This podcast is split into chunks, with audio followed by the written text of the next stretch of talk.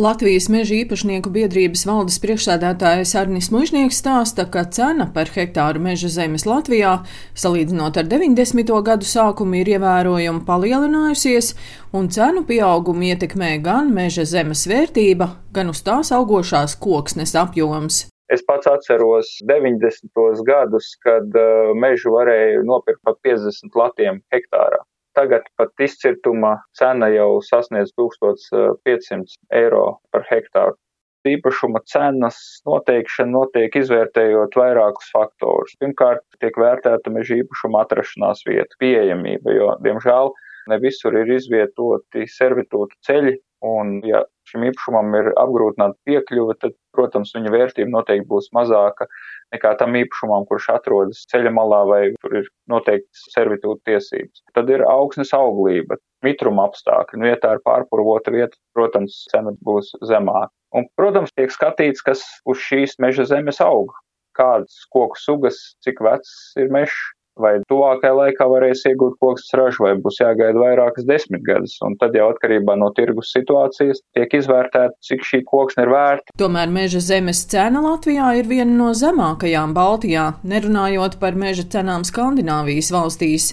Nekustamā īpašuma uzņēmuma Latio mežu pārdošanas nodaļas vadītājs Sandijs Lukins stāsta, ka veikuši aptauju par meža cenām Baltijas jūras reģionu valstīs. Zviedrijas dienvidos maksā līdz pat 10 tūkstošiem eh, eiro hektārs meža zemes. Latvijā līdzvērtīgs hektārs maksātu apmēram 3000 eiro. Lietuvā koki uz, uz hektāru viņiem šobrīd ir vairāk nekā Latvijā. Vidējā krāja lielāka, līdz ar to cenas ir diezgan augstas, ap 4,5 eiro hektārā vidēji. Savukārt eh, Igaunijā tā cena ir virs 4000 šobrīd līdzvērtīgiem īpašumiem. Pirmais un galvenais ir tas, ka mums salīdzinoši ar Skandinājijas valstīm, piemēram, ir daudz striktāka meža likumdošana. Tur ir konkrēti kaut kāds periods, kad mežu drīkst izstrādāt, pie kāda vecuma tu drīkst cirst kokus. Savukārt Skandināvijā pamatā meža īpašnieks pats var izvēlēties šo apsaimniekošanas ciklu. Meža īpašnieku biedrības valdes priekšsēdētājs Ernis Mužnieks akcentē vēl kādu aspektu.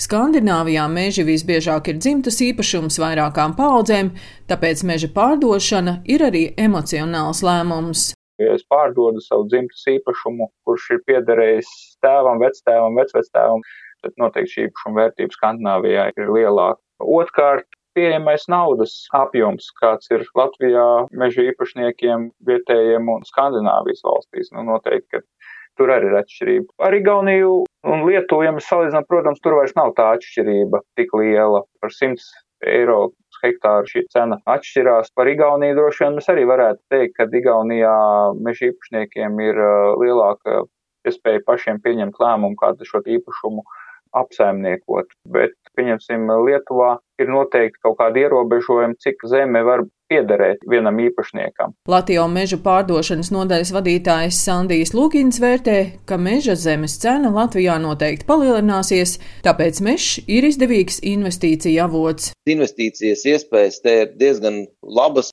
pircēji, kas šeit uh, iegādājās īpašumus, nepavelti viņi to dara, jo šeit Latvijā tā iespēja, ka varēs šo vērtību pieaudzēt, ir daudz lielāka nekā tajās vecajās Eiropas valstīs. Bet meža īpašnieku biedrības valdes priekšsēdētājs Ārnis Mužnieks skaidro, ka zeme Latvijā ir galvenais ražošanas resurss, un pat ja meža īpašnieks pats nevar vai nemāk apsaimniekot savu mežu, ir arī citi risinājumi. Ir kompānijas, kuras piedāvā apsaimniekošanas pakalpojums, nu, respektīvi īpašnieks noslēdz līgumu ar, ar kādu kompāniju, ja viņam pašam nav laika, vēlēšanās vai varbūt zināšana, kā apsaimniekot. Tad nepārdodot savu meža īpašumu, viņš nopērk pakalpojumu un viņš tiek apsaimniekot. Ir arī meža īpašnieku kooperatīva, kuros viņš var iestāties un kļūt par šī meža īpašnieku jau uzņēmuma kopīpašnieku.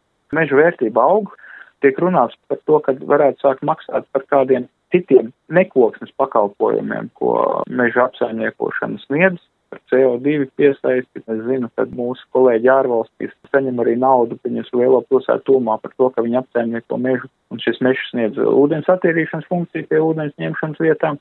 Tā kā es ieteiktu pārdomāt, pirms pieņem lēmumu par īpašumu pārdošanu. Pēc zemkopības ministrijas datiem mežsaimniecības, kokapstrādes un mēbeļu ražošanas daļa iekšzemes koproduktā 2019. gadā veidoja 5,1%, savukārt eksporta apjoms sasniedza 2,6 miljārdus eiro, un tas ir 20% no valsts kopējā eksporta. Daina Zalamane, Latvijas radio.